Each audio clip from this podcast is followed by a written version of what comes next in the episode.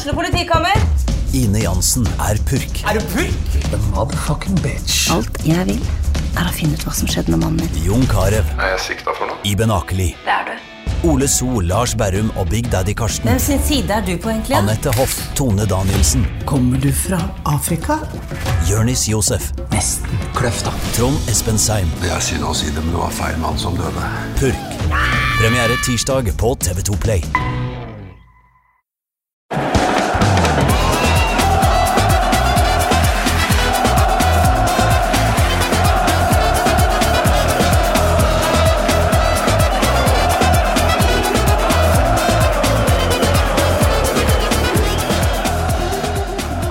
Og velkommen til en ny episode av eh, fotballkulturpodkasten Pyro og Pivo.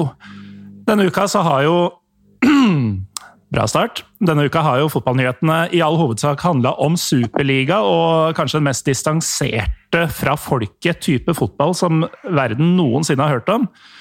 Og det kunne jo vært noe vi prater om, men eh, vi skrur heller helt av den moderne verden og går tilbake en 15-20-25 år i tid for å snakke om et uh, supportermedium som egentlig er dødt i stor grad, men som man kan håpe på at enkelte ildsjeler uh, skal få i gang igjen. Vi skal snakke om fanziner. Og da er det jo faktisk bare to mann, i hvert fall på Østlandet, som jeg vet om, som eh, kan gjøre den jobben som gjester i dag. Og det er ikke minst deg, eh, Mikkel Kjelsrup. Velkommen. Jo, takk, takk.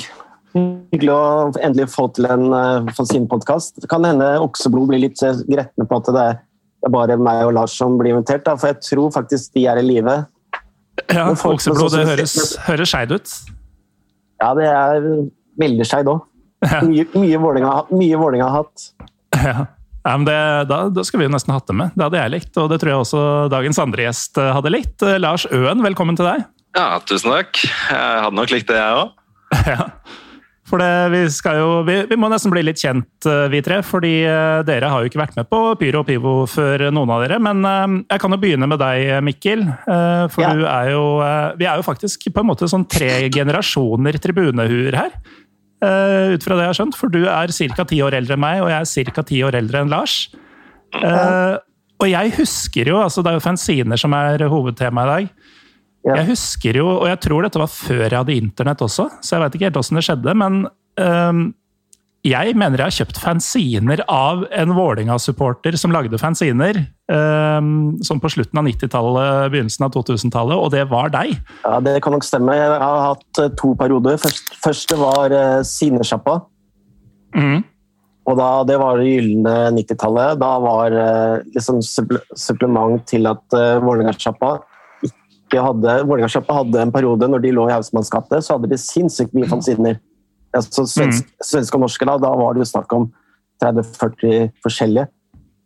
Mye, Ja, det var noe fryktelig med fanziner på 90-tallet, husker jeg. og fryktelig variabel i, i kvalitet. Jeg kjøpte jo, jeg husker jeg kjøpte en som ikke var stifta engang, f.eks. Den var svensk. da. Altså, De hadde bare Ja, bretta arkene og, og dytta det sammen, liksom? Ja, akkurat som, ja. Så det er, det, er, det, er grunn, det er en grunn til at eh, svensker blir sett som eh, Nordens eh, skotter. At de er gjerrige. og De vil jo aldri kjøpe, stort sett aldri kjøpe en fanzine av, seg, av deg. De Mm. vil helst bytte. Ja. Nei, så stemmer det. Jeg har uh, holdt på med det ja, nå er det jo, Jeg har holdt på med det i to perioder. Litt mye jobb, men uh, alt for fanziner. Akkurat nå i 2021 så er det, så er det ikke like lett å drive fanzine. Så jeg, for jeg har stort sett holdt meg til svenske og norske, da. Jeg klarer Mm. å lese engelsk, men eh, jeg er ikke noe Jeg er ikke noe racer. Nei, og, det har kanskje litt med ditt interessefelt innen fotballen å gjøre også, fordi fanziner er jo én ting, og vi skal jo dyppe dyk, øh, dykke dypt, heter det kanskje. Eh, Jeg skylder på coviden som er på vei ut av kroppen. Ja. Men vi skal dyppe, dykke dypt inn i uh, fanzinekultur og, og vårt forhold til fanziner etter hvert. Men uh, vi kan jo eh, nevne, altså det har jo kommet fram allerede at du holder med Vålinga, Mikkel. Uh, Ja. til de grader. Og så har du jo et utenlandsk favorittlag som vel fort gjør det naturlig at det er svenske fanziner i tillegg til de norske som som har blitt lest Ja, mest? Ja, jeg fikk jo en god kompis av meg. Lurte meg om med tidlig 2000-tallet, fordi han er oppvokst i Bergsjøen, som da er en bydel eh, i Gøteborg. Mm. Og tidlig 2000-tallet så dro vi på match på Gamla Ullevi da, når det var tretribuner. Så da har vi vært og sett på Da er det jo Guys. Så Senest i dag så fikk jeg en kompis av eller Jeg har fått bygd opp et stort nettverk da, siden jeg begynte med fanziner. Så en av gutta bak den der Are You Here For The Game-boka Mm. Er jo, og fanzina forresten, han var jo så snill å sende meg eh, sende meg Aftonbladets eh, fotballsbibel om Superettan, divisjon 1 og divisjon 2. Og med en, gang jeg, med en gang jeg begynner å snakke om Sverige, så begynner jeg å snakke litt sånn svorsk. da. Mm. Så Guys er eh, laget mitt i, i Göteborg. Og hvis, I 2015 eller om det var 2016, husker jeg ikke helt i farta, men da starta vi Guys Oslo. Hvor mange er dere? Ja, Det er ganske morsomt, fordi en gang så vi pleier som regel å ta toget ned lørdag morgen klokka sju. Og sitter Mm. og pil, pilser litt på toget og sånn, og så åpner Sjulands ølhall, eldste ølhallen i Göteborg, åpner 11. Når vi kommer dit ti på 11, så er det kø for å komme inn Mm. i den lille bula. Så er det match klokka tre-fire, og så er det match, og så taper de som regel. Nei, så da, men en gang så var vi faktisk eh,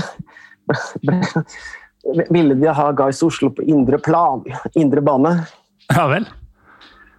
Og vi hadde vel en eh, Vi fire som var nedover, hadde vel en eh, grunnpromille på ja, Nei, kan hende at det er yngre lyttere og familiemedlemmer som hører på et podkasten etter hvert, så ja, vi, vi var godt påseila, da. Noen i følge var godt påseila, kan Ja. man si det. Så vi fikk eh, så, så vi sier alltid at vi er ca. ti medlemmer, da. Mm. Ja, det var for så vidt flere enn jeg trodde. Men det som er trodde. veldig morsomt med Guys Oslo, det er jo at eh, det, det som er veldig gøy med Guys Oslo, er jo at eh, vi blir jo tatt imot skikkelig der nede. For de er jo ikke vant til utenlandske supportere. vet du. Nei, det er liksom ikke helt sånn Du, du får ikke den 'Are you here for the game'-følelsen, eh, kanskje? Nei. Altså, det er, altså, vi blir tatt imot, eh, tatt imot med åpne armer, og, og det er ikke måte på. Men jeg, jeg regner med at eh, vi skal ikke prate Guys i hele kveld. Jeg, jeg kunne gjerne gjort det, men eh, det da Jeg regner med at ikke dere er keen på det. Nei, kanskje ikke akkurat i, i kveld, men uh, vi må få på noe svensk ball igjen uh, snart. Men uh, vi har jo en gjest, vi har jo en gjest til, Mikkel. Lars, eh, fortell litt om deg selv. Nei, eh, jeg er jo en østlending, jeg, da. Eh, Jeg er eh, i 20-åra og har vært veldig aktiv i de siste åra, særlig. Jeg vokste opp her på Østlandet med en mor fra Bergen som fostret oss opp på Brann. da. Ja. Eh, Så meg og mine søsken vi falt i, i gryta, rett og slett. Eh, dratt på veldig mye brannkamper eh, gjennom barndommen, og så tok man liksom eh, Man tok steget videre da, ved å skaffe seg et parturkort på Brann stadion eh, på videregående. Og dra over frem og tilbake alene, og da er det nattoget på vei tilbake igjen og rett på skolen og sånt. Eh, Ja, Det er jo helt nydelig. da. Så det, er et par ting man biter seg merke i med en gang her. og Det er jo eh, det at bergenserne kaller sesongkort for partokort, eller partokort. ja. Eh, det er jo Altså, jeg har jo hatt noen, eh, noen livepodkaster i Bergen, eh, og da har jeg lært litt om disse språklige finurlighetene som de bare driver med der. En annen ting husker jeg var at en, en pølse, det er en hotdog. ja, ikke sant. Så bergenserne er jo De har jo sine greier. Men den andre er jo det helt fantastiske her, da. At du skaffer deg dette par to-kortet på videregående. Og farter over fra Østlandet til eh, Bergen. Ja, hvor mange hjemmekamper ville det bli i løpet av en sesong? Når du er sånn 17-18? Nei, det ble jo en del, da. Eh, Jeg skaffa meg jobb på Kiwi og slutta på fotball. Uh, i tiende klasse, sånn at jeg kunne ha litt sånn penger til å blant annet kjøpe meg Ja, det, det òg. Uh, men uh, ja, for å f.eks. kjøpe inn mitt eget storflagg. Jeg var veldig fascinert av det. da. Eller kjøpe flaggstoff. Så satt jeg og sydde flagg. Jeg hadde vel 100 meter flaggstoff, eller noe sånt, så jeg satt og sydde en hel vinter. Min egen lille TIFO-gruppe, da. Før jeg kom inn i det miljøet jeg kom inn i. Da. Så det var veldig, veldig artig, da. Så har jeg jo også arrangert denne bussen for østlendinger og eksilbergensere, BBØ. Men da het ikke det BBØ, da. det het Fyrebussen. Det gjorde vel Fyrebussen? jeg Fyrebussen, ja. Altså fyring med Ja. Mm. Uh, det gjorde vel jeg Var det første eller andre videregående eller noe sånt. Uh, han Bussjåføren ville ikke at jeg skulle stå som ansvarlig, fordi jeg var ikke 18 ennå. I tilfelle noe økonomiske ting skulle skje. Sånn. Det, jeg hadde jo Kiwi-jobben, jeg, så jeg sto økonomisk ansvarlig hvis det skulle skje noe. Det var ingen problem. Det er helt uh, nydelig. Uh, jeg så en hånd i været, Mikkel. Ja, er det sånn at når du drar over til Bergen, det slår det over dialekta, da, eller? Nei, det gjør jeg ikke. Jeg er litt sånn kjent som østlendingen, og det har de akseptert med litt sånn mobbing og sånn, men det, det, må man forvente. Uh, men da jeg bodde der, så merka jeg jo det at jeg endra litt sånn dialekt fra en typisk drammensdialekt til en litt mer sånn ja, en-endinger på alt, da, som hørtes litt sånn sossete ut omtrent. Så en gang man kommer tilbake igjen til Drammen, så måtte man legge om litt og så si litt avis og banan og sånt. da. Bli litt mer sånn her bilmekaniker i, i pratemåten? Ja, det er klart. Men uh, det, det, har jo altså, Du er jo ikke den første med østlandsdialekt til å bli en relativt sentral skikkelse i Brann supportmiljø. Det har jo vært noe altså, Forrige leder i bataljonen, Roger, har jo østlandsdialekt. Ja, og så har du Per Arne ja, Flatberg fra tidligere. Nettopp inne i styret i Brann. Ja. Han tror jeg faktisk er fra Lillestrøm, hvis jeg husker riktig. Fra min uh, lille passiar med han. Ja, Rasta. Mm. Ja, det, det er Lillestrøm nok, det. Han er fra Rasta, ja. Men uh, fikk du nevnt Lillestrøm òg. Når du sier dette med altså Spesielt dette med med flaggsying og storflagg og sånn, Lars. Mm. Det er jo ting som jeg kanskje forbinder mer med en litt mer utagerende tribunekultur. Litt mer sørlig tribunekultur enn den som har vært vanlig i, i Bergen opp igjennom. Ja. Øh, jeg har jo blant annet skrevet en liten tekst i fanzinen om litt sånn Hva skal vi si? Anglofili i tribunekulturen, rett og slett. Veldig konservativ. Mm. Og både jeg og de andre i gruppa mi er vel kanskje litt sånn motsatt. da. litt mer tyskinspirert, særlig i Tyskland. da. noen mm. er jo litt sånn Italia osv. Så men vi er inspirert av andre kulturer da, enn en England. Så det blir litt sånn ja. kulturkrasj i Bergen av og til. Ja, for det er jo um, Bergenspublikum, og for så vidt også Vålinga-publikum, Mikkel, det har jo tradisjonelt sett mest mot, uh, mot England. Uh, uten at det egentlig er det vi snakker om i dag, men ja. uh, Og det gjelder for så vidt Drammen også, der du holder til, Lars? Selv om de har uh, utvikla seg enormt, de også, de siste. Med mm. både tromme og av og til PA-anlegg og megafon. Så ja. Ja. Jeg merker det er mye vi kunne prate om uh, i dag, men uh, det er jo fanziner uh, som er på agendaen. Um, og altså, vi, vi, kan jo kanskje starte litt med å definere uttrykket fanzine. for det er kanskje lettere sagt enn gjort, men det er vel Mikkel, det er vel riktig å kalle det en kortversjon for fanmagasin, men hva legger man i altså, hva, hva er det som gjør det til en fanzine? altså jeg har alltid sagt at eh, eller det var før min tid òg, at det er liksom laget av fans for fans. Mm. Og det er ganske fascinerende når du står og selger alle de årene jeg har stått og solgt både de jeg har laget og hjulpet andre, og sånn nå, så er det de du minst forventer faktisk som kjøper fanzine. Mm. Du tror liksom at uh, den kompisen du tok øl med på puben si på At han er interessert? Han er interessert, men han bare går rett forbi. Mm. Sier at han abonnerer mens derimot når du klarer å lure tre gamle pensjonister fra Sogndal rundt gamle Bislett som, kjøper alle rettigheter, ikke sant? for du sier at det er kampprogram. Ja. Så det er, rett og slett, altså det er rett og slett laget av fans for fans, da. Mm. Sånne korte trekk. Det, det du drev med der, var jo rett og slett høsling. Ja Det var på gode gamle Bislett, da. Mm. Der kunne alt skje. Eh, hvordan, Ja. eh, vil du, altså, hvordan vil du karakterisere en fanzine, Lars? Ehm, da ville jeg kanskje først snakket litt om medlemsblad. eh, for det er jo en sterk tradisjon i Bergen. Eh, med medlemsblad for bataljonen, f.eks., som er uh, den tolvte mann. Så står det gjerne da ja, meningene til bataljonen, eh, noen leserinnlegg eh, som typisk da støtter bataljonens eh, meninger og eh, eh, hva skal jeg si, kultur tribunekultur, eh, mens fanzinen kanskje da kan utfordre litt, grann, eh, i mine øyne. Da. Eh, det var derfor jeg starta litt med det også. Mm. Utfordre, kanskje utdanne litt, grann, litt sånn informativt. Spre litt sånn propaganda og ideer, annet enn kun England og anglofili. Men Mens medlemsbladet må også være litt mer sånn PC osv. Fanzinen føler jeg kan være litt mer sånn folkelig og eh, eh, litt krenkende av og til, kanskje.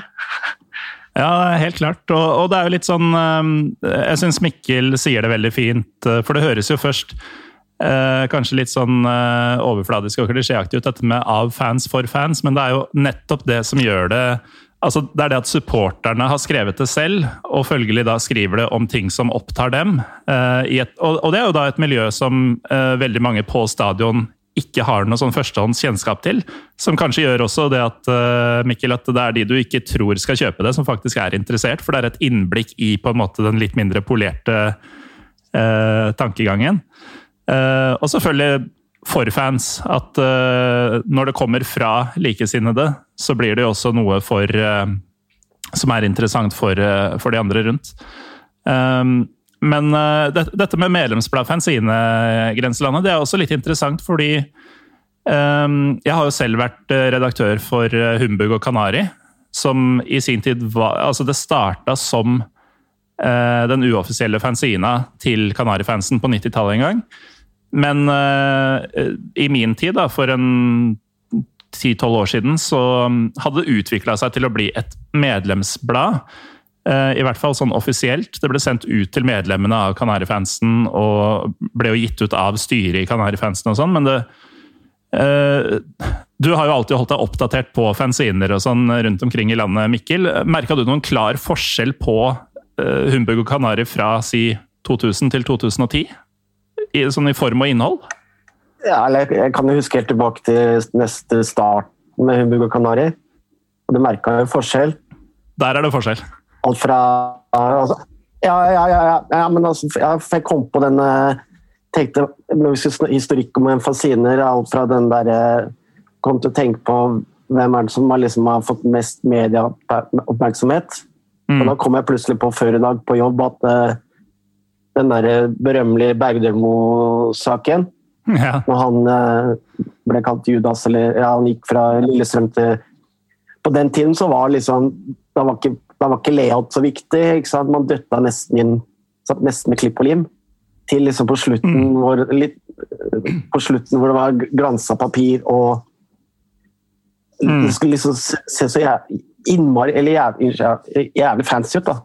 Ja, ja men det, Og- det er jo Ja, ikke sant? Og, altså, sånn som sånn som forskjell- medlemsblad så- Det er litt det er sånn som Lars var inne på. ikke sant? Medlemsblad er, liksom, er litt mer programforplikta. mm. De må kanskje ha, hvis du har en annonse fra fra hotdogs, som, de som leverer hotdogs eh, på Brann stadion, eller ikke sant? Da må du ha med den annonsen, mens i en fanzine så kan du kødde med kan du kødde med at Brann Nei, nei, at eh, Bodø-Glimt dro til Syden. Mm. Ingen andre, ingen andre gjorde det, bortsett fra Molde, som var i i cup. Så det er liksom han Sånn som alle de fanzinene eller de fanzinene de har holdt på med hele tida, de har vært uavhengige. Mm. Ja, og når du sier du har eh, holdt på med fanziner hele tida, så har du virkelig det. Fordi altså, Har du oversikt selv over hvor mange fanziner Altså ikke antall utgaver, men hvor mange forskjellige fanziner eh, du har stått bak? Altså Stang ut er jo klassikeren. Eh, det har du vel holdt på med mer eller mindre konsekvent i en 20 års tid, eller noe sånt? Ja, jeg, ja, siden 98. Da, men vi la ned i 2006 eller 2007. For da, da ble da ble vi uenige innad i redaksjonen om jeg ville øke fra, fra 10 kroner til 20, 20 kroner. Mm. Resten, av redaksjonen, resten, av redaksjonen, ville ikke det. Og da, da, man, da ble man ikke enig? Nei, ja. Man la ned i stedet? 15 ja. spenn hadde ikke vært aktuelt for vel en del av de, Nei, men da måtte du ha en femmer, ikke sant. Så det, det endte jo med at uh, Og de fleste var liksom på spranget fra liksom ferne studietiden begynte begynte å, bygge familie, stifte familie og sånn. Så jeg fikk mm. en annen kompis av meg. Jeg fikk et stort nettverk. Altså, vi lagde jo ei lik enga som en nytt alternativ. Mm. Den, den, onde fetteren til Stangut. hvor vi da var eh, Den kom vel med elleve utgaver. Og så har jeg lagd eh, Tomme tribuner sammen med Christer Bratz, bl.a. Lillestrøm-supporter. Mm. Når det var Royal League. Også tidligere redaktør av Humbug og Kanari, for øvrig. Ja. Og så, lagde, så, har vi lagd fulle tribuner i en, en, en, runde, for da var det faktisk fulle tribuner på Norsk Arena. Mm. Og så har jeg faktisk, sammen en god kompis av meg, så har vi faktisk lagd Den kom aldri lenger enn til eh, PDF-filen, da, men vi har lagd en, vi lagde en, eh, en hyllest til ski, skisporten. En fanzine vi kalte for Låg Høger. Skifansine av Låg Høger, altså? Ja, ja. 60 sider med bare sånn resultat Sånn Ultrasmatsus og mye Ingrid Lene Nybråten og ja, mye sært. Så det er vel det. Så jeg er vel oppe i godt over Nærmer seg 35-40 med de nye prosjektene nå, så nærmer det seg nærmere 40 mm. Men jeg har også bomma en gang, da. For å si det sånn. fordi når vi la ned Jeg like enga, så hadde jeg lyst til å starte nytt igjen. Da, selvsagt får aldri nok. Så da lagde jeg Kom jeg på navnet Blått østkantfolk. Mm. Jeg tenkte det, jeg, jeg fikk en kul logo og sånn. Gikk jo litt, gikk jo litt uh, feil ut, da, for de kjørte på med Jeg fikk uh, noe jeg alltid har gjort med både stang ut av Likegga og er liksom å lage merch da, i lite opplag. La oss si en stang ut T-skjorte eller en uh, Likegga-skjerf, f.eks. Mm. Så jeg lagde jo 50 Blått østkantfolk-T-skjorter og 50 Blått østkantfolk-skjerf. Og noen fanzine ble det jo ikke. Så det ble mye julegaver og premier til loddsalg innad i Vålerenga-miljøet. Du hadde rett og slett merchen klar før, uh, før selve fanzina ja. som merchen var for? Mm. Ja, den er fin. Det er ikke, det er ikke alltid det går på skinner. Nei, det er ikke det. Men uh, vi, det, det, blir jo litt hulter til bulter nå, men siden du nevnte nye prosjekter, uh, Mikkel, det er jo en grunn til at uh, akkurat dere to er med. fordi som jeg nevnte innledningsvis, så er jo Fanzina har jo langt fra den plassen det hadde tidligere. Men dere to hver for dere, men nå også sammen, ja. har jo noe greier på gang. Lars, det er vel kanskje tomme tribuner slash fulle tribuner som som dere prøver å fyre opp igjen i, i en ny drakt? For en renessanse, rett og slett. Mm. Uh, ja. Uh, jeg tok i kontakt med denne fanzine-guruen uh, for å få noen tips til ja, trykkeri og sånne ting for et par måneder siden. Mm. Og så lagde jeg denne fanzinen, og så tenkte jeg at det her må jo være være gøy om vi får til en nøytral en. For det er jo veldig få fanziner. Mange folk som har lyst til å, å, kjøpe og lese. Eh, det er jo mange andre klubber her nå som kjøper av meg. Eh, så det er jo på en måte et marked for det. da. Eh, noen vil ha ting i handa, mm. rett og slett. I den digitale verdenen vår. Og lese noe nøytralt, da. Med fenomener og og kanskje det er supporterpolitikk og, og nyheter eh, fra Support-Norge som ikke blir sensurert av, eh, diverse medlemsblader eller medier eller noe sånt, der vi kan skrive hva vi vil, Mm. uten å være for uh, eh, krenkete. Uh, men å få til det, det tenkte jeg hadde vært litt kult. Uh, så jeg tok kontakt med Mikkel, spurte om dette her var interessant. Eh, Mikkel sa ja, og så tenkte jeg da på et par andre som kanskje kunne vært med. da. Eh, Så nå er vi jo flere klubber. Det er, eh, det er Brann, det er Vålerenga, eh, en fra Ålesund, en fra Molde, eh, Odd, Godset, eh, som skal bidra med et par tekster hver seg. Da. Og så kan vi da sende inn alt eh, og lage en fanzine sammen. Da er det ikke den massive jobben heller, når man sitter og lager alene. Eh, Hvis alle sender inn tre-fire tekster, så blir det her forhåpentligvis knall. Da. Det kan jo bli et rot, men men hvem vet. Men da blir jo hovedjobben altså, Dere skriver jo i stor grad eh, fanzinene deres eh, helt sjøl. Da skal du fylles i 40-50 sider med stoff, så er jo det ganske mye. Men uh, her blir jo jobben da rett og slett i stor grad å uh, dra inn og sette sammen uh, andres arbeid. Um, men det, det, det som hørtes litt kult ut her, var jo at det var flere av de klubbene dere har fått med, eller supportere av klubbene, som er stemmer man ikke hører så mye fra. Um, holdt på å si bokstavelig talt på tribunene gjelder jo noen av dem, men, eh, men det er jo ikke de som er mest høylytte på Twitter og sånne ting heller, eh, Mikkel? Nei, for det var ganske fascinerende, sånn som han fra Ålesund som sier at uh, her må vi starte helt på nytt. Mm. Og Ja, for, Ja, nei, det, det- det er, stormen skal rett og slett starte liksom fra scratch. Ja, altså, som jeg tror jeg skjønte, eller jeg har ikke, kommet, jeg har ikke hatt tid til å komme langt nok inn i det, men jeg tror det er tribunemessig. For jeg fikk en henvendelse i går eller foregårs. de hadde sett hvordan eh, Østblokka, altså den der supportertribunen til Vålerenga, hadde liksom vært eh, altså Den er jo malt nå, ikke sant? blir kalt Østblokka, og hvordan de hadde fått til det. og Jeg er ikke den som får med meg all- ja, Jeg har fått med meg det, da, men sånn, hvordan den prosessen gikk. Mm. Og, nei, så det er liksom gøy at vi har fått Nå glemte jo Lars eh, Moss er vel nesten inne i bildet òg. Så å si. Vi driver og forhandler med en Mosse-supporter òg om, om å få være med. Eller han, ja, han har lyst til å være med. Så dette kan bli utrolig bra, og da, bra, og da slipper man det derre Drive og mase på fem-seks kompiser hele tida. Når kommer det der intervjuet? Når kommer den saken? Når kommer det reisebrevet? ikke sant? Mm.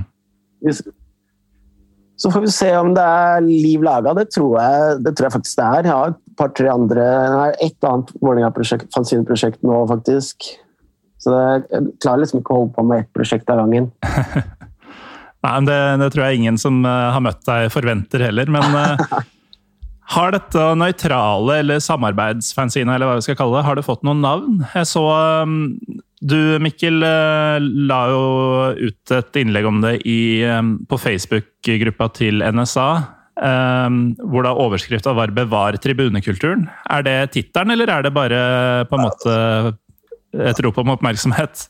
Ja, det er et rop om oppmerksomhet og liksom prøve å fange folk som er lei av at uh, man legger ut Det er litt derfor vi også starta Eh, Det prosjektet her er at uh, jeg, tror det begynner å bli, folk begynner å bli lei av eh, bare lese ting på sosiale medier, trykke likes hvis du liker det, trykke tommelen ned, holdt jeg på å si. Altså det, ja, ikke sant? Altså, rett og slett få noe fysisk i hånda. enten enten papirutgave, eller nå har man jo gått i det skrittet at uh, faktisk det er enkelte folk som også har lyst på digital, altså, digital utgave òg. Mm. Ja, for det er jo litt eh, Altså, det er jo en grei utgiftspost, tross alt, å skulle fysisk trykke opp noe. Eh, og fa fallgruva er jo er det, er det ikke det, Mikkel? Nei, altså, det, ja, det kommer helt an på, da. Altså, vi vil jo, altså, jeg, vil helt, jeg tror helt sikkert Lars er med på det. At, uh, altså, la oss si La oss si ta Gregor, da, som bor i Haugesund og har lyst til å starte en eh, Det var et veldig fascinerende navn, faktisk. da jeg kom på farta. Men Gregor er 17 år, 18, har lyst til å starte en, eh, har lyst til å starte en Haugesund-fanzine. Hva gjør man da? Nei, man eh, skaffer Eller man prøver å få, få med seg Viktigste budskap én er at ikke gjør allting aleine. Du får med Mm. deg fire-fem kompiser. Klarer ikke de fire-fem kompisene å dra inn 3000-4000 cash, altså legge ut for trykkeri, da. Så hører man med supportklubber, for sitter, jeg er ganske sikker på at det sitter ganske mange supportklubber rundt i Norges land med ganske feit lommebok. Ja, kanskje spesielt nå i den tida vi er inne i. For uh, de klassiske utgiftene som uh, borteturer og TIFO-materialer og, og, sånn, det har man jo ikke drevet med i, Nei, i noe særlig grad. Så har man lyst til å starte på sine, rett og slett, så hør med, hør med supportklubben. og både Lars og jeg stiller, eller jeg har vel litt mer pondus eh, når det gjelder å lage fasinen. Nå skal jeg ikke ta på meg all æren, da, men når Lars kom med den henvendelsen, så tenkte jeg, tenkte nok, tenkte jeg yes, dette er kult. Så tenker sikkert mange at uh, nok et uh, nok et Brann-Vålerenga-samarbeid. fordi det er ikke så mange månedene siden Lars Erik Skau og Erlend Vågane dro i gang den derre vår fotball... Nei, det er, det er, fascinerende hvor gode venner Brann og Vålerenga tilsynelatende har blitt de siste månedene. Og det kommer kanskje en, eh, en, tekst i denne fanzinen som handler om uh, hvor like fotballsupportere egentlig er. Uh, mm. Vi har jo sikkert de fleste de samme interessene med ja, Veldig mange er glad i øl, da, f.eks. Eller uh, overraskende mange er glad i geografi, historie. Vi kjenner oss igjen, de fleste. men så kommer det kanskje også en annen tekst om hvorfor det er så viktig med oss mot dem eh, mm. kultur på tribunene for å få de skikkelig gode tribunekampene og sånt. da. Mm. Så det er ikke bare gode venner. Nei, Ik ikke minst eh, støtt ditt lokale øl. ja, der lager jeg mitt eget, så det går fint. Ja, og, ja, Det blir ikke mer lokalt enn det. Hva er det du eh, lager og drikker, forresten, Lars? Dette er jo en viktig del av fotballpodkasten Pyro og Pivo. Ja, ja, dette er veldig viktig. Uh, dette her er uh, brown ale brygget på årets mørkeste dag. Eh, og jeg skulle flaske den med han jeg brygger med. Eh, han kunne ikke fordi han eh, skulle bli pappa akkurat da. Så han spør om jeg kan, kan fikse det istedenfor. Så vi kalte det for Barnets far. Hyllest. Det er ofte mor som får veldig mye oppmerksomhet når det er en unge som blir født, men nå er det barnets far da, som blir hylla. Så det er altså en eh, brown ale eh, brygga på eh, årets uh, mørkeste dag. Uh, flaska av deg fordi han som skulle flaske, uh, ble far den dagen. Og ja. følgelig er ølet oppkalt etter han. Ja. Ja, det var et par som hjalp til med flaskinga, heldigvis. kanskje en kjæreste og en bror, f.eks. Men ja. Han, han måtte av gårde. Men det var veldig viktig at vi fikk flaska ølet, da, Kan ikke la det stå. Så vi måtte dra ned til han og hente det. ja, men det, Man må jo prioritere. Ja, ja. Det, er jo, det er jo fort det viktigste som skjedde den dagen. Ja.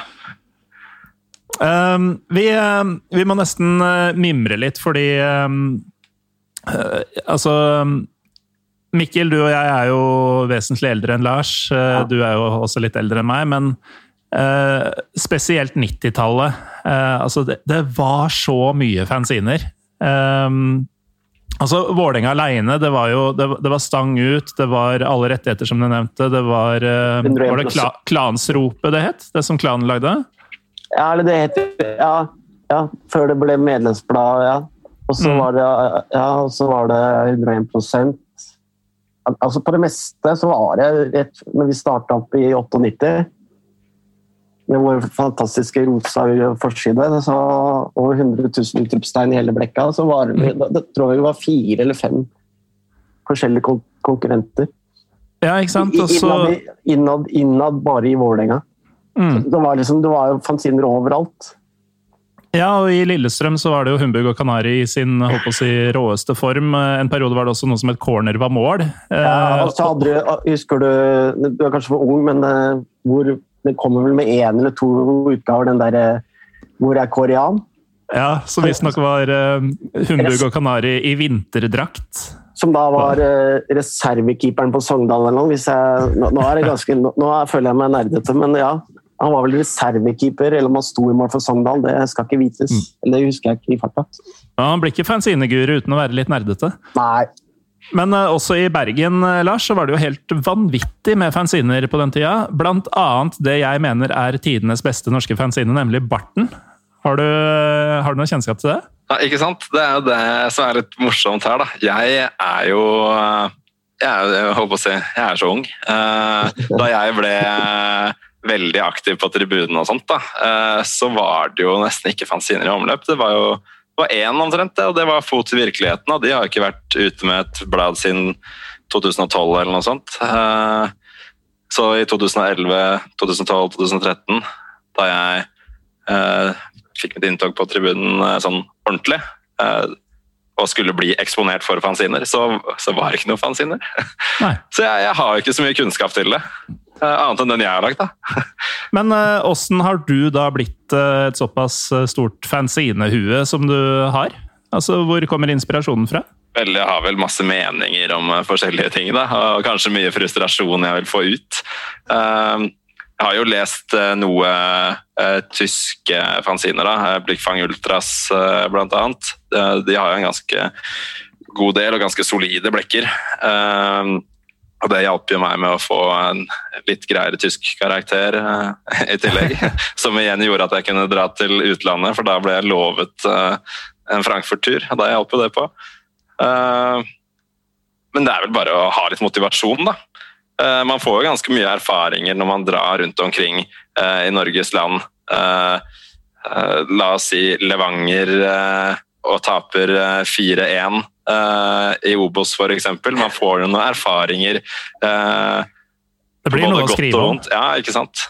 Og ikke minst det når man har en så hva skal vi si, Det er jo så mange typer da, i Bergen. Så man kan jo få noe ut av dem også. Høre på gamle historier fra dem som har sittet på bussen på, på etter borteturer, og de har kommet seg litt godt ned i ølen og få høre noen gode detaljer. Eh, så man får, eh, får, erfaringer og kunnskap gjennom eh, å være aktiv på tribunen. Mm. Mikkel, ja? ja jeg, skjønner, jeg skjønner jeg må ta et lite kurs med deg i brannfallsinens verden, Lars. Jeg kan ta et korte trekk. da. Vi var jo inne på hvorfor det er så engelsk i jeg husker The Red Army i starten på 90-tallet. De skrev jo engelske tekster innimellom, og det var et sang på engelsk. Det gjorde jo klanen sin tid i starten, og sånn, men England var jo veldig veldig Nei, The Red Army var veldig anglofile. Og jeg husker det var noen meningsutvekslinger med en av mine gamle, gode skribenter som da skrev på Da, da snakker vi før skrev brev og sendte til The Red Army han fikk posta innlegget, og han fikk svar tilbake. Jo takk, Henrik Ape. Så har det jo altså, Jeg vil jo si at Brann har jo også hatt eneste Vi var inne på det før, nei, før eh, den podkasten her, at uh, jeg har vel de meste fanzinene. En av de få jeg ikke har, faktisk, er uten mål og mening. De kommer vel ut med én eller to utgaver i Bergen. Men de, hadde du altså Du som har lest omtrent alt som har kommet av norske fanziner, Mikkel. Hadde du noen, noen favoritt? Altså, spesielt interessant kanskje fra andre klubber enn din egen. Uh, min var jo som sagt Barten. Jeg syns det var helt hysterisk med Jeg husker det var en, en utgave hvor innholdsfortegnelsen alle, alle punktene i innholdet hadde ordet 'hets' etter seg. Så det var sånn Side eh, tre innholdshets. Side fire supporterhets. Uh, side sju uh, tur til Molde-hets, osv. osv. Og, og, og sånn var jo sjargongen. Det var jo bare kødd hele tida. Det var også en um, Noe av det jeg husker best, var Per Ove Ludvigsens dagbok så bare var sånn her, Det var en uke i Per Ove Ludvigsens ja. liv, og det var sånn verste sånn nonsenslitteraturen jeg noensinne har vært uh, borti. altså. Det bare... Jeg tror, jeg tror, til og med de nevnte, det er ikke kødd engang, det der når det kom ut den der 50-80-saken om, uh, om, at Brann skulle søke Superleague. Jeg tror faktisk mm. ikke det er kødd. Jeg prøvde å google i går at uh, om jeg tror faktisk Brann-supportere gikk faktisk i demonstrasjonstog om uh, Trond Egil Soltvedt i 95. Ja, det, det stemmer faktisk. Ja. Da han skulle til Rosenborg. Men tilbake til det er andre uh, fanziner altså Jeg likte jo veldig godt uh, Blåmandag, faktisk. Godset. Fra Godset? Mm. Der hadde jeg faktisk Den kom jeg plutselig på at det var en periode tidlig 90-tallet jeg syntes det var så veldig gøy å skrive med capslock. Det er ikke like gøy å når det plutselig dukker opp eh, jeg, jeg, som I påsken så satt jeg og leste gamle eh, Stang ut og sånn. Nå jeg blir jo så dritflaut å lese hva jeg skrev for 10-15 år siden. Og utviklingen altså, altså, I den perioden der så var det jo mye da, var, da kunne man jo slenge dritt, ikke sant? Nå kan man, nå kan man ikke slenge noe eneste som skal slenge dritt til hverandre. Nå er Hvis i neste Stang ut så skriver jeg noe dritt om fanzina til Lars, ikke sant? og motsatt. Og kanskje nevner eh, pornopengene Skeid skal få som de arver etter hvert. Ja, altså det Er det noe som må dukke opp i de få fanzinene som fortsatt fins uh, framover, så er det jo pornopengene til Skeid. Ja. Men uh, det, det, er jo faktisk et uh, poeng som jeg nesten hadde glemt, Mikkel. Det var jo hvor mye drittslenging det var om andre supportere og andre fanziner. Ja, ja, I hvert fall sine. Jeg husker jo altså Blåmandag hørte jeg eh, om gjennom å lese Humbug og Kanari. Uh, og da var det jo sånn at uh, ja, de, de slikka apeklanen opp i ræva, og det var liksom vi, vi, har lov å si sånne ting her, forresten.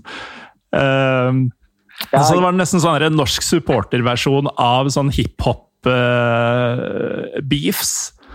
Uh, men dette gikk du glipp av, Lars? tenkte jeg. Ja, men altså, jeg har jo opplevd det i medlemsbladet til bataljonen, ikke sant.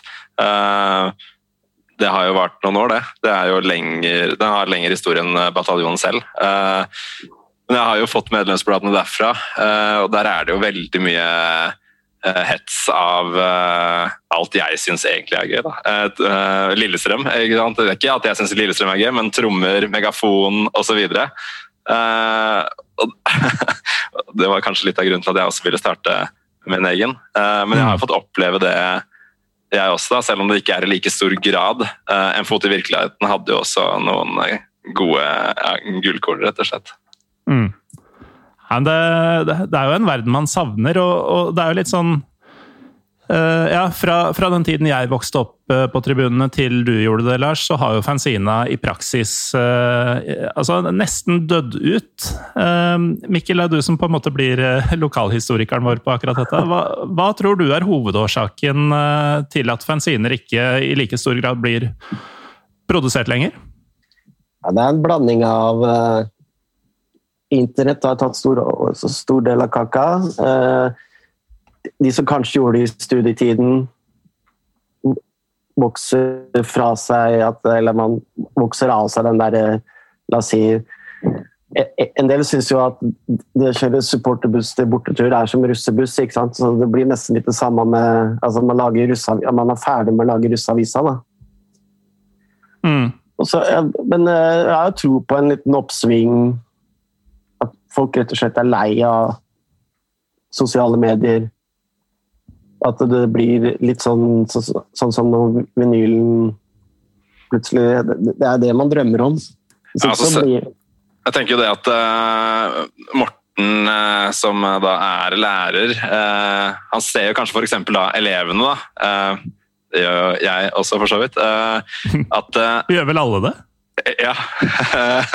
så vi ser jo da at elevene uh, syns det er veldig gøy når de plutselig får noe i handa igjen. Da, uh, I forhold til det digitale hele tiden. Før så var det det motsatte. Det var kjempegøy mm. å jobbe på PC, sånt, men nå er det uh, Mange av dem jobber bedre da, når de har noe fast i handa. Så det kan jo være at uh, fanziner kommer frem igjen fordi det er noe man faktisk kan ha i hånda. Lese litt på, på tog på vei til bortetur når man tar toget alene til Bergen, eller om man sitter i hengekøya på, på fjellet.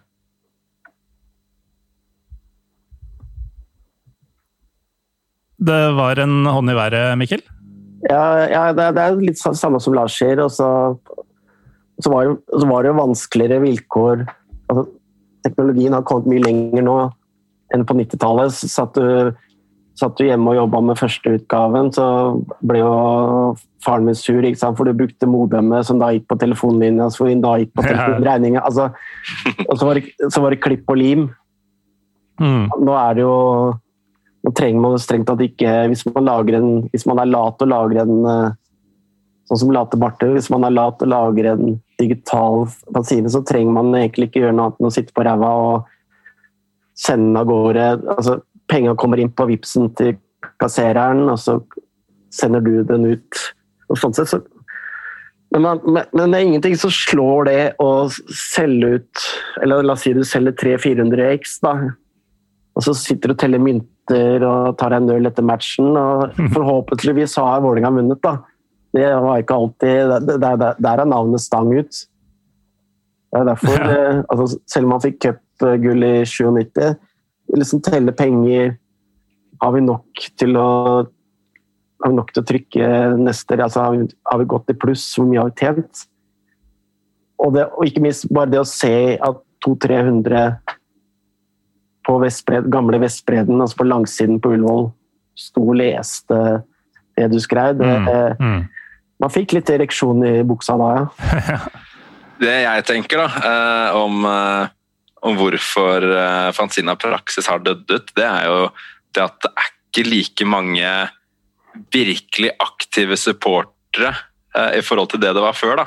Eh, ser jeg i hvert fall i Bergen. da. Eh, um, og så tar det jo veldig mye tid, og nå Uh, altså Nå i koronasituasjonen så har jo folk egentlig ganske mye tid, så det er ikke noen unnskyldning. Men generelt uh, så tar det mye tid, og folk har så mange forskjellige tilbud, og folk er så travle, så de har liksom mm. ikke tiden til å sette seg ned og skrive.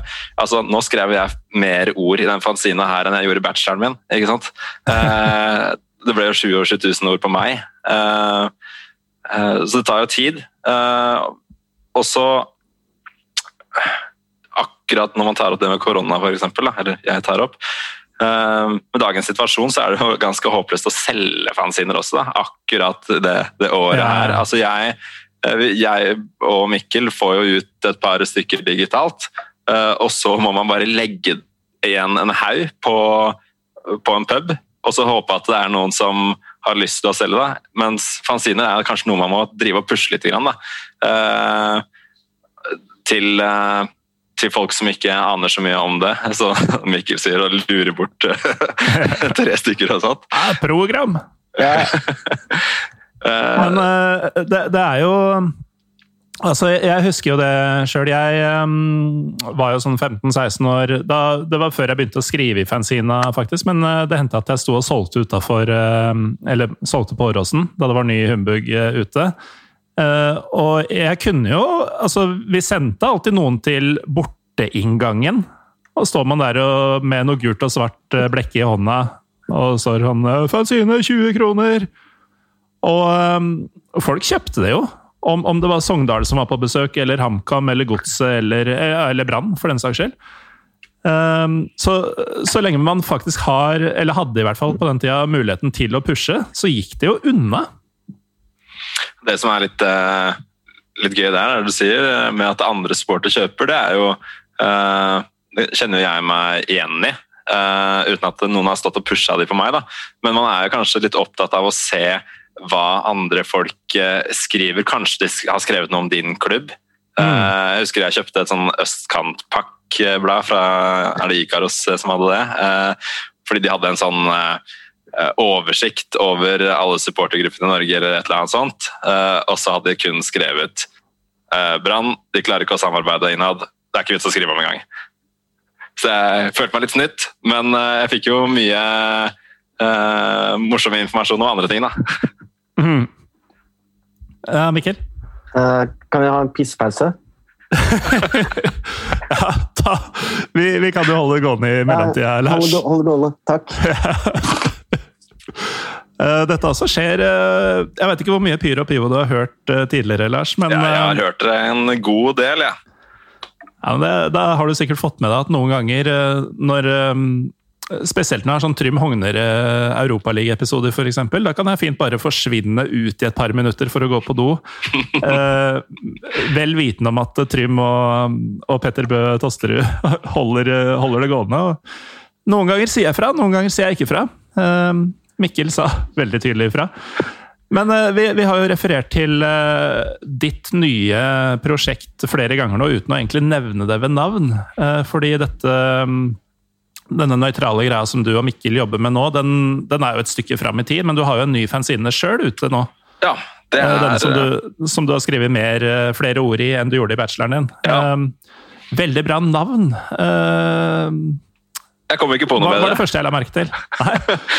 jeg håpa det skulle bli noen sånne ironiske greier, eller et eller annet sånt, men det, det ble øl, kjøtt og tribunekultur. Og øl og kjøtt det er liksom uh, hva skal vi si, mottoet til eh, BIG, føler jeg. Så jeg tenkte at det passa ganske greit. Pils og hotdog? ja. Kanskje heller fenalår og Hansaøl, men ja.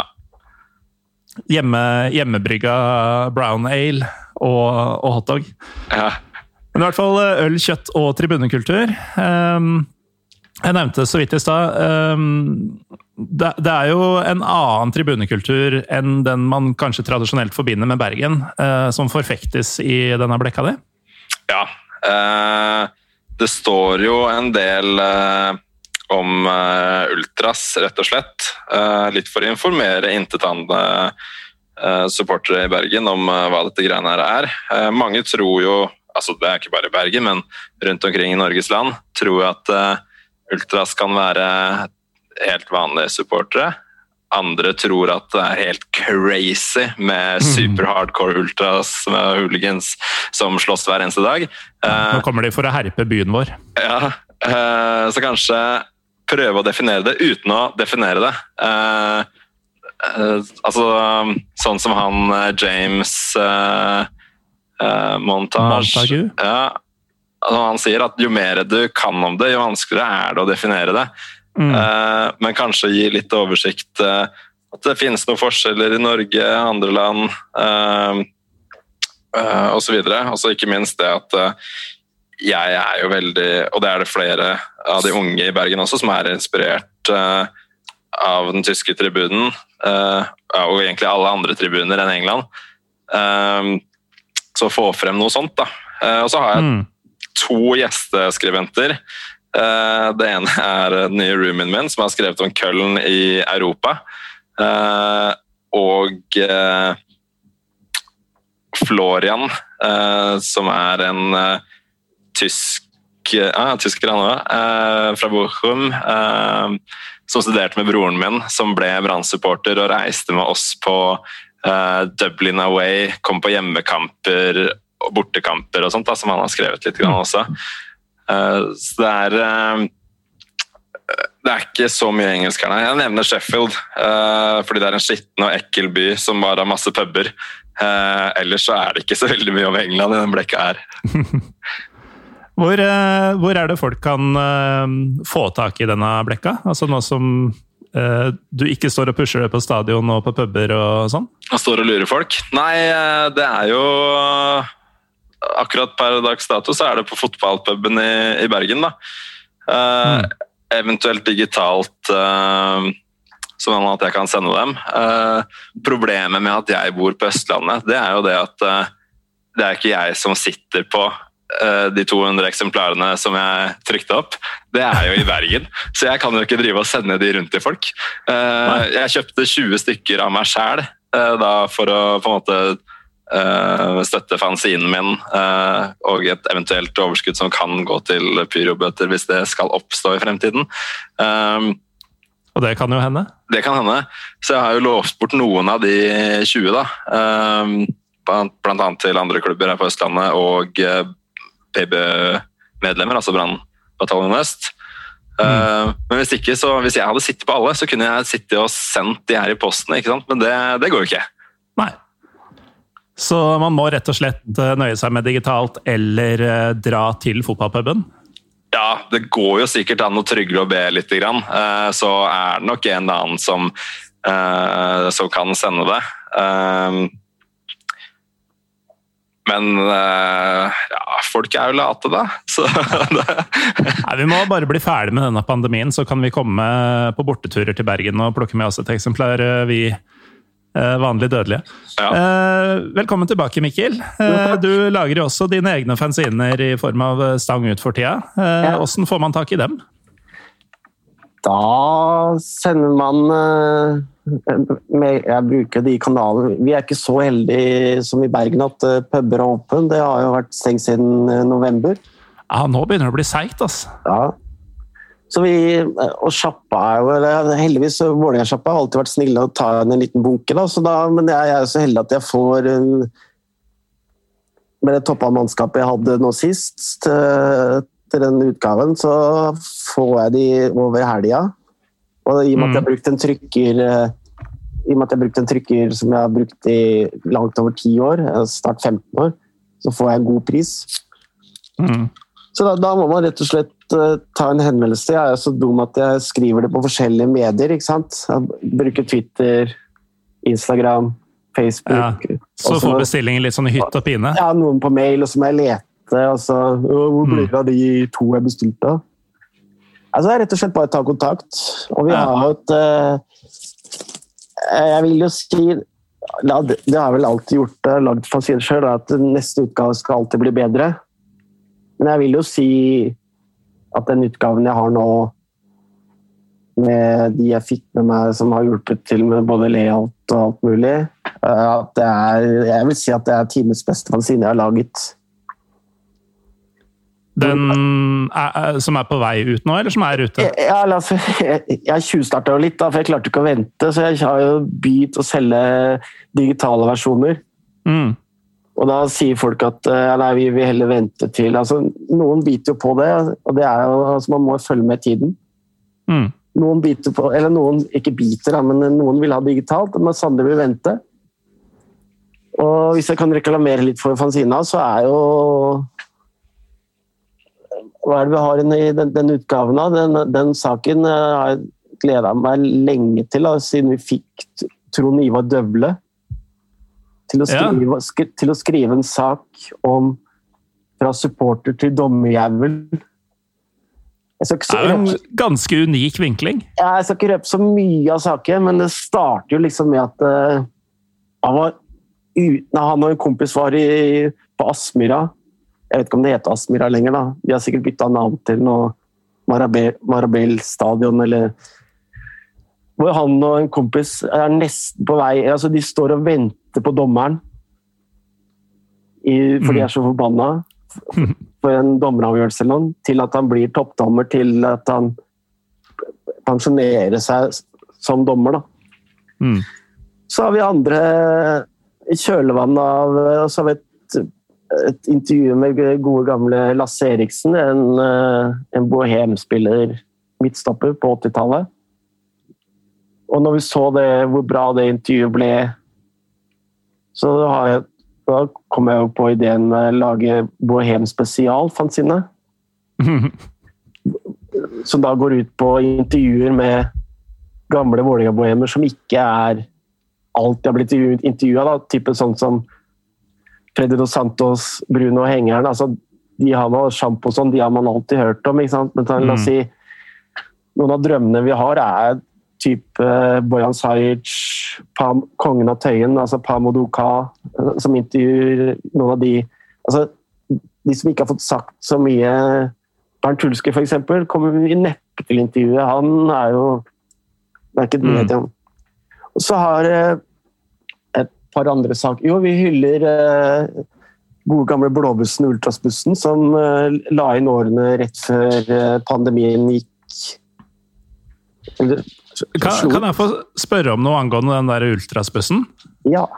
Fordi eh, sånn jeg har skjønt det, så har den eksistert siden lenge før det var en uttalt ultrasgruppe i, i Vålerenga. Det er vel heller ikke eh, nødvendigvis eh, det som har vært Ikaros sitt foretrukne fremkomstmiddel? Eller eh, altså, hva er historien og kulturen til denne ultrasbussen, og hvorfor heter den ultrasbussen?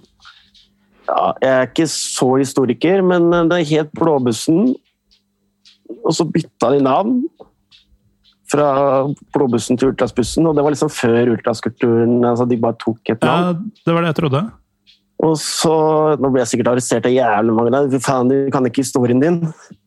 Men også gikk de fra fra, fra blått, blått til rødt. Altså mm. sånn eh, Ja, hvis du skjønner eh. Og så De flytta seg til venstre Ja. i bussen. ja. Man satt ikke på høyresiden i bussen, men man satt på venstresiden i bussen. Mm. Den Altså, politiske bussen. Ja, altså, ja, så har jeg liksom bare holdt på, da. Men det, det var jo en legendarisk buss. da. Vi hadde jo, jeg husker jeg var med på noen turer til Malmö Support Cup med internasjonale supportere. Og vi var jo nummeret før vi fikk med noen polakker som ville være med til Oslo. Fantastisk kul supportercup, da. Men de, de, var også sånn, de hadde også sånn policy. De kjørte liksom sju mann til Malmö i en buss. Mhm. Og så siste toppsaker, eller det er masse toppsaker, da. Det er flaut å si, eller ikke flaut. Men eh, jeg har endelig fått, eh, fått til et eh, Jeg har mast og mast på de gutta. Da, at Bohemen Curling har faktisk altså Bohemen har faktisk et, et bedriftslag i curling. Så endelig, har endelig har jeg fått intervjua Bohemen Curling. Det er ganske fantastisk. Endelig, altså. Ja, jeg tror jeg har jobba med det i tre-fire år. Ja, men, men det med fanziner, da, da ser du liksom hvor mye du Noen sier ja med en gang og leverer i morgen, mens andre er liksom altså, Det er forskjellige personer jeg har mast på i Bohemian Curling. Da. Mm. Men Bohemian curling er rett og slett vanskelig å få i tale, og nå har du endelig kommet under huden på dem. Ja, jeg kjenner jo alle Jeg kjenner alle som er med på Bohemian Curling. Men jeg Altså, merker, eh, merker Mikkel, at når du nevner supportercuper Det er jo også sånn gammelt eh, fenomen som jeg plutselig kom på at jeg savner, men det får nesten bli en annen episode. ja. Eh, Men vi, vi nærmer oss jo faktisk, i hvert fall på papiret, før det kommer noen sånne enorme smitteutbrudd som gjør at vi må utsette ytterligere, så nærmer vi oss jo sesongstart. Og mot alle odds så holder vi jo med eliteserieklubber alle tre nå. ja. Har dere noen forhåpninger om å slippe inn på stadion i år, i noe særlig grad? Eller åssen ser vi for oss uh, tribuneåret 2021, eh, Lars? Altså, som Brann-supporter så er man ikke veldig optimistisk når det gjelder noen ting. Uh, uh, selv om folk tror at uh, hele. At alle tror i Bergen at man eh, vinner gull i februar. Eh, men, men man er ganske pessimistisk, eh, rett og slett. Eh, Jeg tror ikke vi eh, kommer til å komme inn så mange. Og uansett så er jo ståfeltene De er jo stengt i til og med steg fire av den gjenåpningen. Så Hva 75, det? altså 75% av stadionkapasiteten så er jo fortsatt ståfeltene stengt, for det er ikke et sete du kan tilhøre. Så vi supportere som, eh, som står på dette ståfeltet, da, f.eks. nye store stå, eh, som er flytta opp der hvor det ikke er noe seter, ikke noe safe standing eller lignende. Mm. Eh, Vi får jo ikke brukt feltet vårt i år i det hele tatt, så vi må eventuelt da stå på feltene ved siden av, der det er parturkort og lignende. Ja, så det her er vanskelig, vanskelig det her. Ja, det blir, blir vrient. Vi, vi bor jo i, i smittemekka, holdt jeg på å si, eh, Mikkel, i Oslo. Det er vel ikke noen større forventninger om eh, utagerende tribunekultur eh, hos, hos deg, eller? Nei, jeg var jo så dum. Eller jeg kjøpte jo ikke sesongkort før fjorårets sesong. Noe jeg har gjort i år, da. Før årets sesong. Mm. Sikkert fordi jeg var veldig skeptisk. Jeg var jo ikke skeptisk, men etter Ronny Skjønte hvor det var? Ja, nei, etter Ronny Deila Mm. og, og media lanserte vel alle med puls som hadde ordentlig lisens til å trene Vålerenga. Og så leverer jo Dag Eilif Fagermo og hans eh, gutter leverte jo veldig bra Overraskende bra, bra sesong. Så fra en tiendeplass i 2019 til bronse i fjor, det var eh, langt over eh, Mm. det var uvant for eh, en som har lagd sjuendeplassskjerf i sin tid. Ja, for det har du jo også gjort, selvfølgelig. Ja, ja. Og det ble ikke veldig godt mottatt i For de som ikke kjenner til historien, så var man så drittlei. Det var vel rundt uh, ca. ti år siden. Så så var det dårlige plasseringer, da. og Jeg lurer på om det var Jo, det må ha vært under Martin Andresen. Vi skulle være, vi skulle, Vålerenga skulle være unik i Europa innen 2013. Hva nå enn det betyr? Ja, unik på å ikke vinne, da, eller? Ja, så fikk de en sjuendeplass, og da jeg, gikk det en faen i meg. For jeg ble drittlei å se liksom En ting er at eh, klubber lager gullskjerf, mm. men jeg mener å huske at eh, jeg tror faktisk Vålerenga lagde et sølvskjerf i sin tid. og liksom folk med support, nei, supporter, eller klubber lagde bronseskjerf.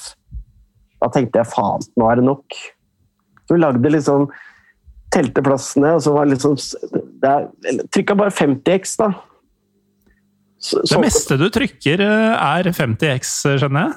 Nei, faktisk trykka T-skjorter og skjerf, i hvert fall? Nei, skjerf. Nei, jeg trykka faktisk 104 eh, T-skjorter av den uh, Vålinga stadion, da. 104? Ja. ja for det var det 104-årsjubileum eller noe sånt? Nei, det var 104 år Altså, Vålerenga har ikke hatt egen stadion, for da var det jo 104 år Uten stadionet? Ja, uten egen stadion. Ah. Og med Vålerenga stadion, da. Ikke, ikke, ikke hva den uh, solgte seg som. Nei. Ja, ikke sant. Nei, altså, jeg, jeg er litt spent. Altså, blir det videre Altså, jeg, jeg, tviler på at uh, Jeg får kanskje sett én eller to matcher live. Samtidig så, så jeg ikke så mange matcher live før, før alt stengte ned heller. Så sofaen er jo veldig bedagelig.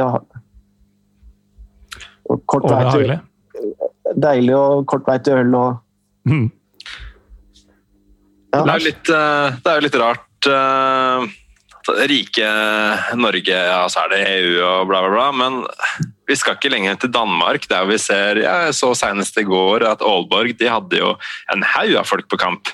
Eh, så hvordan vi ikke skal få det til i Norge, det er eh, ja, merk merksnodig når vi har eh, store stadioner alle Lerkendal skal ha 600, og Nadderud skal ha 600 osv.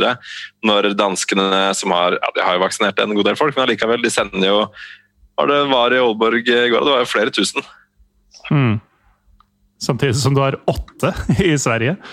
Men eh, apropos unike i Europa, vi har jo både en ganske unik eh, eh, vaksinestrategi og ikke minst en ganske unik sånn karantene- og smittevernstrategi i Norge, som man for øvrig kan høre mer om i forrige ukes episode av eh, Pyro og Pivo. Men det er jo gjerne der det ligger, da. Men én eh, dag, gutter, eh, om det blir i år eller neste år, så skal eh, tribunene forhåpentligvis fylles igjen. Det skal i hvert fall være mulig å fylle dem uten restriksjoner. Og da er det jo mye vi savner. F.eks. å stå utafor og, og, rope at 'jeg har et program du kan kjøpe', gamle Sogndal-mann. Men hva er det vi savner mest? Eh, hva er det første du skal gjøre, Lars, når, eh, når du kan gjøre akkurat det du pleide å gjøre i gamle dager på stadion? Å, jeg skal lage opptøyer og jeg skal Nei. Det, det jeg tenkte mest på, det er jo å komme seg på noen gode borteturer igjen. Og oh, få ja. den bortebobla, uh, som jeg bl.a. skriver om i fanzine. Uh, å komme inn i den bobla når du står opp, og du bare tenker ikke på noe annet. Det er ikke noe regninger, det er ikke noe krangler med familiemedlemmer, det er ikke noe sjef eller noe i vår uh, verden elever uh, eller noe som mhm. helst. Som, som er sjefene, for øvrig. Ja, jo. uh, men det er bare bobla. og det savner jeg veldig mye. Da. Samtidig som jeg har noen forventninger. Eh, kanskje ikke så mye i Norge, eh, men utover i Europa f.eks. Eh, de store klubbene med eller ikke store klubbene, de store ultrasgruppene. Eh, jeg regner jo med at de har en god del TIFO-er liggende og bare er klare. Så jeg ser for meg et sånt mm. enormt TIFO-trykk i starten med en haug av koreografier og dyna... Ja, bluss. Ja, og hva skal jeg si Ikke statiske, uh, men uh, bevegelige tifoer. og tifoer vi ikke har sett før, men samtidig også tifoer vi absolutt har sett før. Sånn der, mm. Eh, stolt eh, fortid, stor fremtid og, og sånt. Jeg tror vi kommer til å se mye gøy, da. Mm. Ja, men nei, Mikkel, hva, hva gnager mest med at man eh, ikke får gjort eh, akkurat det man vil i, på kampdag? Nei, det er å ta øl med kompiser og få sunget altså, Finne seg en eh, Det er sjelden at eh, språka sånne populært heter nå, da. At, man finner seg en god plass der man ikke står inn i mølja og kan synge Istanbul-sangen til eh, den der året, år 98 nede i Istanbul. Synge den når hvis Vålerenga ligger, ligger under 1 eller to, eller rett og slett få Så får man se da hvor, hvor eh, så, så, blir det spennende å se. da. Folk altså, sier jo at de har lyst til å dra på match når det endelig åpner. Mm. Så får man jo se. Ja, for det er jo, det er jo også interessant eh, sånn det, det kan jo gå to veier for oss uh, som liker norsk fotball her. Har folk blitt for glad i sofaen uh, og for glad i TV-produktet og sånn i løpet av det siste året, eller det kommer til å være to år i praksis når, eh, når det åpner igjen? Uh, eller har det å sitte på ræva gjort at nå skal jeg i hvert fall på stadion? Altså, Forventer vi et storinnrykk, eller forventer vi egentlig litt sånn tilbake til normalen før pandemien med en gang? Så jeg Hva tenker noen, du, Lars? Jeg har noen teorier eh, der. At folk har jo De har jo ikke brukt noe penger på noen borteturer eller noe Noen har pussa opp eh, kjøkkenet, kanskje. eh, Men man har mye, lig, mye penger liggende. Da. Så det kan jo hende at det er en god del folk som har lyst til å dra ut og reise til andre steder enn Norge. Og dra Mm. til Tyskland eller dra til England osv. Så, videre. så det kan jo slå negativt ut. Eller så kan det hende at ja, nå har jeg noen tusenlapper, kanskje jeg skal gå på pub og så på kamp etterpå, da. Ja, kanskje jeg skal kjøpe det sesongkortet som alle andre har? Nå som jeg har de tusenlappene til det. Ja, ikke sant? Eh, Hva tenker du, Mikkel? Blir det, blir det mye folk på sofaen, eller blir det mye folk på stadion? Jeg tror mye er litt den der, sånn som jeg så med uh, Vålerenga stadion. da. Og det var liksom første seriematch. Utsolgt. Etter det så var jeg veldig glad for at uh, man ikke bygde større stadion. Samme Mm. blir det jo med uh, altså Nye, nye Jordal Amfi er jo åpna. Den var åpna jo pandemien. Altså Jeg tror liksom at det blir en sånn La oss si kanskje de to-tre første matchene, så blir det hjemmematchene, så blir det liksom relativt full pupp. Og så dabber det litt av. Altså, de har og det viktigste er litt sånn samme som eh, generelt, da, samme som med fanziner og sånn nå. Prøve å få inn yngre folk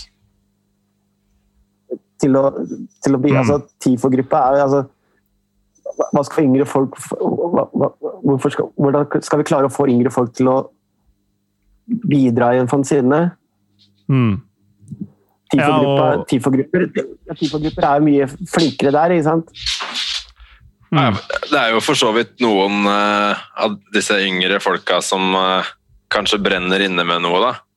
Uh, den fanzinen jeg hadde nå, så var det også en eh, av disse yngre folka som skrev en tekst om faktisk om ungdom på tribunen. med en liten analyse og noen spørreundersøkelser og sånt. Eh, men der kommer det mye frem til at de syns at norsk fotball er dårlig. Og det er ikke den samme opplevelsen som i utlandet. Men kanskje vi nå med denne superligaen har at folk har våkna litt og får uh, huet ut av ræva. eh, og ser at eh, medlemsstyrte klubber i Norge kanskje er noe å gå for. Særlig nå som stadig flere yngre eh, går til venstre i politikken. Da. Kanskje de tenker at ok, fotball for folket er mye bedre enn enn eh, pamper og oljesjeiker eh, og brudd av menneskerettigheter. Mm. Og da er det jo ekstra synd at vi er i den situasjonen vi er i nå, fordi med det der superligastyret som har vært i det siste, så har vi jo tidenes mulighet til å få folk hekta på eh, liksom det nære og ekte og alle de flosklene man kan bruke, med rette, da, om norsk fotball. Og så får vi liksom ikke smidd på det jernet mens det er varmt. Det, det frustrerer meg veldig. Men eh, vi får, eh, som, eh, som vi har måttet i over et år nå, bare være tålmodige og vite at en gang i framtida så skal vi på stadion igjen. Vi skal svette på sidemannen. Vi skal sprute på den som står for Spytte, da. Spraye ned med ting som kommer ut av kjeften fordi man synger så jævlig. På den som står foran. Um, og vi skal kunne gå rundt på en full pub og dytte fanziner opp i trynet og si at jo da, vi tar vips, du trenger ikke ha cash. Uh, og med det så tror jeg nesten vi må gi oss, for uh, det virker som om du har en firbeint venn som begynner å bli litt uh, rastløs, uh, Lars? Ja, hun eh, tror hun har blitt mamma. Det er ti eh, uker siden løpetid, så hun går rundt med bamsene sine og, og syter. Eh, Så hun vil ikke ut, hun vil jo bare eh, få liv i disse bamsene. Riktig. Uh, uansett så virker det som en god tid å avslutte. Vi har holdt på i en time og et kvarters tid. Men uh, vi kan jo bare oppsummere med at uh, Mikkel Kjelstrup, du lager uh, Vålerenga-fansina Stang ut, som Ja. man kan henvende seg til deg på både ja, mail og Facebook og Twitter og hvor du vil, for å få tak i um, enten tilsendt fysisk eller digitalt. Um, Lars Øen, du lager um, øl, kjøtt og tribunekultur. Uh, Fås tak i på fotballpuben i Bergen, eventuelt digitalt gjennom deg, eller? Ja, eh, er, du kan jo uh, gå inn på Øl, kjøtt og tribunekultur på Facebook. Eh, fanger ikke mange unge der akkurat, da, men uh, Facebook er, eh, er Du stedet må skaffe jeg deg er. TikTok, vet du. Ja, ja, ja. Jeg så at det var noe uh, Noen som hadde utgitt seg for å være Ikaros, som var på TikTok. Så det er ikke Ikaros, men det er noen som har utgitt seg for det. Kanskje det er der jeg skal begynne å, å herje. Det høres jo ut som noe jeg kunne gjort i ung alder. Um, Da jeg var på Heia fotball i fjor, så fortalte jeg om at jeg um, infiltrerte mailinglista, som var en greie på den tida, til Kjernen. Um, Hvor jeg da prøvde bl.a. å få inn et forslag om at man skulle ha en ku som maskot. At man skulle ha en ku gående rundt på løpebanen som Lerkendal hadde da. Og den skulle man ha spraya RBK på sida, og så skulle den bare vandre rundt der, da. Og den er hvit og svart fra før av, så det går fint. Ja, ikke sant? Et siste budskap da, det er har du lyst til å starte en fanzine, eller lurer på noe, eller har lyst til å hjelpe ja, rett og slett fanzine, så bare ta kontakt. Og Mm. husk, støtt din lokale klubb, meld deg inn i klubben din. Skal jeg komme med et tips, jeg også, da? Eh, hvis det Vi tipser er. En eller annen eh, luring som eh, har lyst til å begynne med fanziner, bare begynn. Eh, og hvis det er sånn at du har lyst til å begynne med et par kompiser, kjør på, men bare bare begynn å skrive en haug i tilfelle de ikke leverer, så, så har du noe å gi ut. Ja, for det, det er jo altså det, det er mye greier med å lage en fanzine. Det, det, altså, du har jo layouten, og du- det skal printes og sånn. Men først og fremst så skal det skrives. Eh, og de aller, aller fleste som vurderer noe sånt, de har jo en PC med et skriveprogram. Og det er jo der det begynner. Eh, og så er det jo bare å ta kontakt med Mikkel, f.eks., når, eh, når du begynner å få nok stoff og skal få det ut. Ja, Lars? Ja, altså det er jo også sånne Nå med dagens teknologi så er det ganske brukervennlig. Det er bare til å google eh, for eksempel ja, Det var det jeg gjorde, var 'How to make a magazine'. Uh, og så kom det opp uh, sånne online programmer, rett og slett, da, der hvor du kan legge inn som er veldig brukervennlig. Så du trenger ingen kompetanse whatsoever for å lage det. Så det er bare å komme seg i gang. det, det, høres ut som det ikke er noen unnskyldning egentlig for å ikke lage fanzine lenger. Det er bare å kjøre på. Det er litt det samme med å lage podkast, faktisk. Men uh, uansett, eh, takk eh, Lars Øen og Mikkel Kjelstrup for at dere var med og snakka om deres uh, ja, Noen i hvert fall av deres største lidenskaper. Uh, takk til deg som hører på. Vi er Pyro Pivopod på Twitter og Instagram. Og ja, vi er vel fort tilbake neste uke også. Ha det bra.